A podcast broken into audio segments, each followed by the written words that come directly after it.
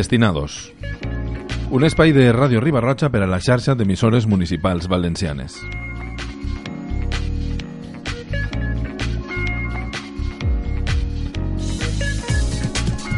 Avui en Destinados, Palma de Mallorca.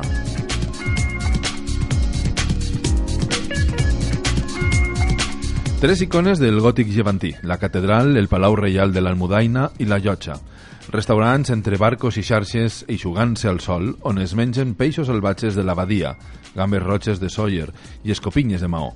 Els llenços que va pintar Miró en el seu taller de Mallorca i les mil obres d'art que va col·leccionar Bartolomé Marc les vistes des del castell de Beiber i les postes de sol en Portitxol, una ruta a peu per la Serra de Tramuntana i una altra amb bici amb el llegendari Stephen Roche.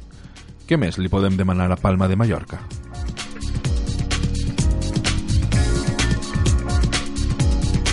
Si ens agrada el típic, ens encantarà desdejunar una ensaïmada i un xocolate en Can Joan de Saigo, una cafeteria, pastisseria i gelateria fundada en 1700, que es diu Prompte. Una opció menys tradicional i menys turística és prendre un pa amb oli en una terrassa de la plaça Salvador Coll. Així mateix podem llogar una bicicleta en Millennium Bike per a recórrer la ciutat o simplement fer esport matiner pedalejant pel carril bici del passeig marítim de Palma. Estem a 50 metres de la plaça Major, que és un altre excel·lent lloc per a desdijunar. És el centre del nucli antic i el punt de partida de quasi qualsevol itinerari que vulguem emprendre per la ciutat. Les seues terrasses conviden a disfrutar del sol i pel seu ambient i ubicació suposem, en qualsevol moment, la parada perfecta si volem prendre'ns un descans entre visita i visita.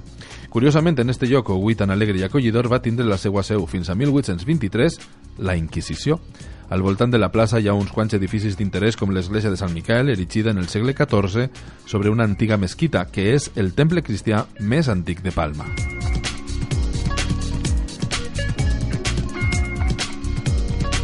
Baixant pels carrers de Colom i del Palau Reial ens plantem en la seu, l'arquitectura més vella de Mallorca i el seu símbol més poderós. Se li anomena Catedral de la Llum pels seus 87 finestrals i els seus 7 rosetons. Un d'ells és el major d'estil gòtic del món. També la Catedral del Mar en les aigües del qual es reflexa creant un efecte inoblidable. I la Catedral de l'Espai, ja que és la construcció gòtica que en menys quantitat de pedra aconsegueix un major volumen interior. La Catedral de Palma ha anat sumant aportacions arquitectòniques i artístiques destacades des del segle XIV. Aquestes col·laboracions han continuat fins als nostres dies amb la sorprenent i nova decoració en argila d'una de les capelles a les mans de l'artista Miquel Barceló en 2007. Abans que ell, figures com Antoni Gaudí en la fatxada i en els interiors, Joan Baptista Peironet amb la reforma de la fatxada després del terratrèmol de 1851 o Jaume Mates, en els voltes i les columnes, van aportar la seva visió personal a esta joia de l'arquitectura.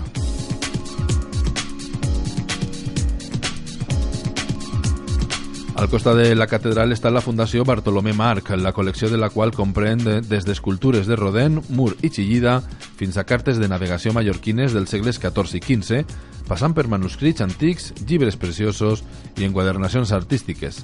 No cal deixar de veure els espectaculars murals de Josep Maria Sert, un dels artistes més importants del segle XX en este àmbit, i el magnífic Betlem napolità, amb unes 2.000 peces, ni deixar de consultar tampoc l'agenda d'activitats.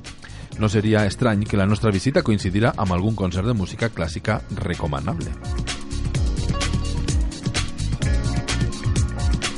Només hem de caminar 5 minuts per a provar un dels millors restaurants de la capital, Forn de Sant Joan, un antic forn de pa decorat amb modern gust on s'elaboren tapes i plats multiculturals, minicornete de ceviche de llobarro i llagostins amb espuma de coco, tàrtar del mar amb salsa ponzu i alga wakame, cordera a les setores, Banana Connection. Imprescindible reservar perquè està sempre ple. Un poc més lluny, a 8 minuts, tenim una altra bona opció, la Bodeguilla, restaurant i taperia on el vi és protagonista.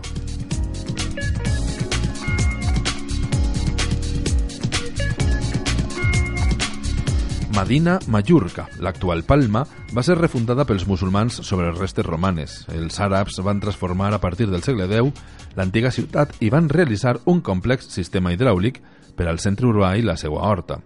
Una de les poques restes de l'arquitectura musulmana que es conserven en l'illa són els banys àrabs del jardí de Camp Fontirroig que daten del segle XI i possiblement formaven part del palau d'algun noble. Es tracta d'una sala quadrada amb 12 columnes que suporten una cúpula amb diverses obertures redones. Esta sala estava destinada als banys calents i per això disposava d'un doble sol amb buits per on circulaven l'aigua i el vapor. La diversitat estilística dels capitells evidència que van ser extrets de ruïnes bizantines i romanes. Els jardins de Can Fontirroig, frondosos i ombretxos, fan encara més relaxant esta visita.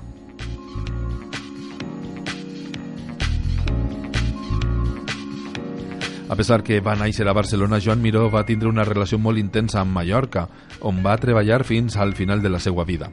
La Fundació Pilar i Joan Miró permet reviure el que va ser el seu ambient de treball. L'edifici de Rafael Moneo alberga una importantíssima col·lecció d'obres de Miró, 118 pintures sobre tela, altres 275 realitzades amb tècniques diverses sobre diferents suports, 1.512 dibuixos i 35 escultures, a més, a més d'obra gràfica.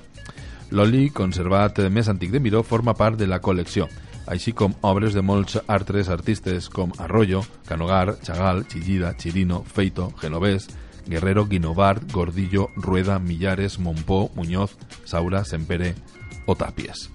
L'únic inconvenient és que queda un poc lluny del centre de Palma, a 10 minuts amb cotxe.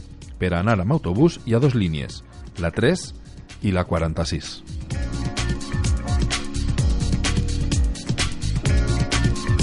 Molt més cèntric, el Museu d'Art Modern i Contemporani és Baluard, és un lloc imprescindible on podem admirar obres de Magritte, Chagall, Gauguin, Klim, Picasso o Miró. L'edifici en si mateix mereix una visita. Està ubicat en el perímetre del Baluard de Sant Pere, de finals del segle XVI, que forma part del recinte murallat renaixentista que rodejava la ciutat fins a principis del segle XX. A més, les vistes sobre l'abadia de Palmades d'ací són de les millors. Un bon restaurant que queda a 4 minuts d'Esbaluard és Obvio, by Cuchara, on anava molt Clàudia Schiffer quan tenia casa en l'illa. El seu fort són els arrossos, secs i caldosos, el tàrtar i els estofats.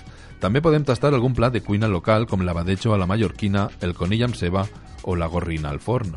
Per a prendre una copa divertida cal anar al bar Flexas, amb moqueta i tamborets molt quiche. Quan es descobreix que la terremoto del Corcón regenta el local, s'entén tot. No cal descartar que, mentre estiguem prenent-nos un gin tònic d'allò més tranquil, algú hi rompa en l'escenari i el local es convertisca en un improvisat cabaret. Si volem aprofundir més en la nit i llenca, tenim el Garito Café i les seues sessions d'electrònica que conviden a quedar-nos fins a la matinada. En la pista hi ha de tot, moderns, jovens estilosos i algun hippie.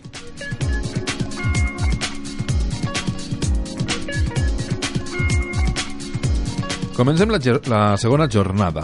Sobrassades, botifarrons, camallots, formatge de Mallorca, metles, vins de Benissalem i del Pla i Llevant, ensaïmades, coques, robiols...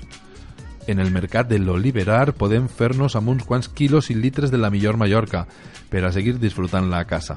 Per a altres compres menys peribles estan l'Avinguda de Jaume III i la seva prolongació, el carrer de la Unió, que són els eixos comercials de la capital on es troben amb dos carrers, també desemboca el passeig del Born.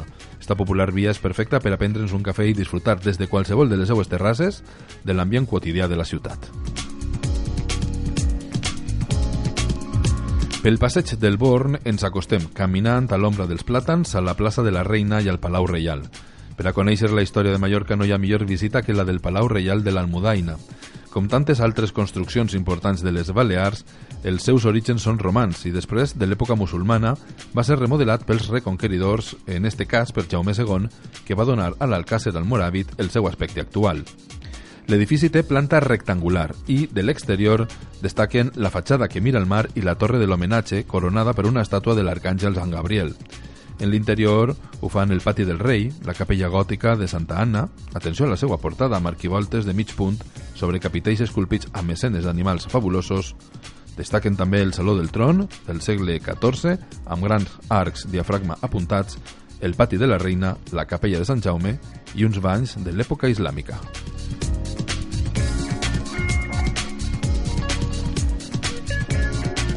En 1963 es van iniciar les obres de restauració i actualment és utilitzat com a museu i pel rei d'Espanya com a residència oficial per a les cerimònies d'estat i recepcions durant l'estiu. Creuem l'avinguda d'Antoni Maura i després d'apenes un minut de camí arribem a la Llotja, una altra de les obres mestres de l'arquitectura gòtica a Mallorca construïda per Guillem Sagrera entre 1420 i 1452. Si la catedral i l'almudaina són joies arquitectòniques lligades al poder religiós i polític, respectivament, esta construcció representa el poder civil de l'època. L'antic col·legi de mercaders combina sobrietat i bellesa. La seva planta és rectangular i el seu interior és un únic espai dividit en 12 trams pels peculiars pilars sense base ni capitell, els fustos del qual, d'arestes helicoidals, s'eleven cap al sostre fins a formar els nervis de les voltes. En l'exterior, l'ornamentació se centra en les grans ogives que decoren els finestrals. A més, cada un dels cantons està rematat per torrasses octogonals.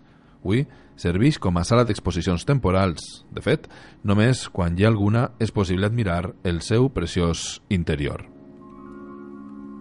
En el moll de la Llotja, molt prop del monument, està el restaurant Pesquero, el nom del qual ho diu quasi tot, perquè en ell es serveixen tapes i plats de peix i marís de temporada, tot de qualitat, en una terrassa enfront del mar, just on atraquen i reparen les seues xarxes els pescadors.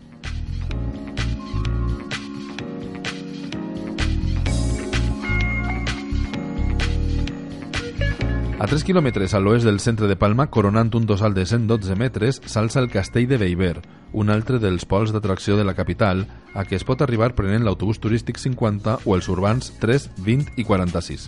Construït a principis del segle XIV per ordre de Jaume II, conté avui el Museu d'Història de la ciutat, però el seu interès principal resideix en la pròpia construcció i en el bosc que el rodeja. Esta fortalesa, pensada tant per a ser residència reial com per a fort eh, defensiu, és una de les poques d'Europa dissenyada amb una planta circular. Resulta espectacular per les seues formes i per les vistes privilegiades que ofereix sobre la badia i tota la ciutat. Beiber significa bella vista. La seva història militar comprèn tots els períodes, però, potser, l'anècdota més curiosa es troba en la misteriosa cova artificial que hi ha en el bosc que la rodeja. Esta excavació, de res menys que 30.000 metres quadrats, data dels orígens del castell i la seva verdadera finalitat es desconeix. Alguns experts opinen que era una via de fuga del castell per al monarca Jaume II en cas d'emergència. No cal oblidar que el seu propi germà, Pere III, el perseguia i que anys abans havia hagut de fugir pels albellons del Palau de Perpinyà. Desafortunadament, la cova, dividida en dos durant la Guerra Civil per emmagatzemar munició i combustible, només pot visitar-se durant les festes patronals de Sant Sebastià, el dia 20 de gener.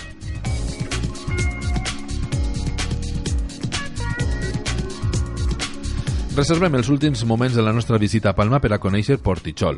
A arribar a Portichol podem fer-ho amb els autobusos 15, 18, 28 i 30.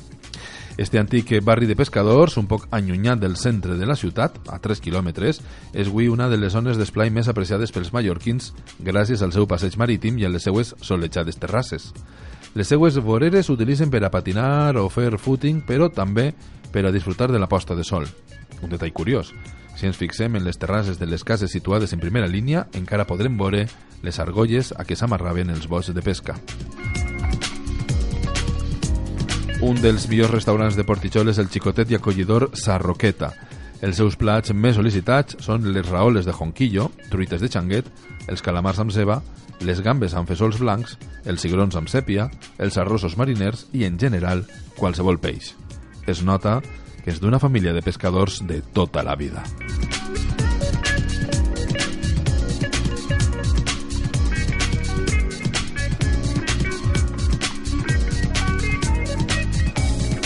Avui en Destinados hem conegut i passejat Palma de Mallorca.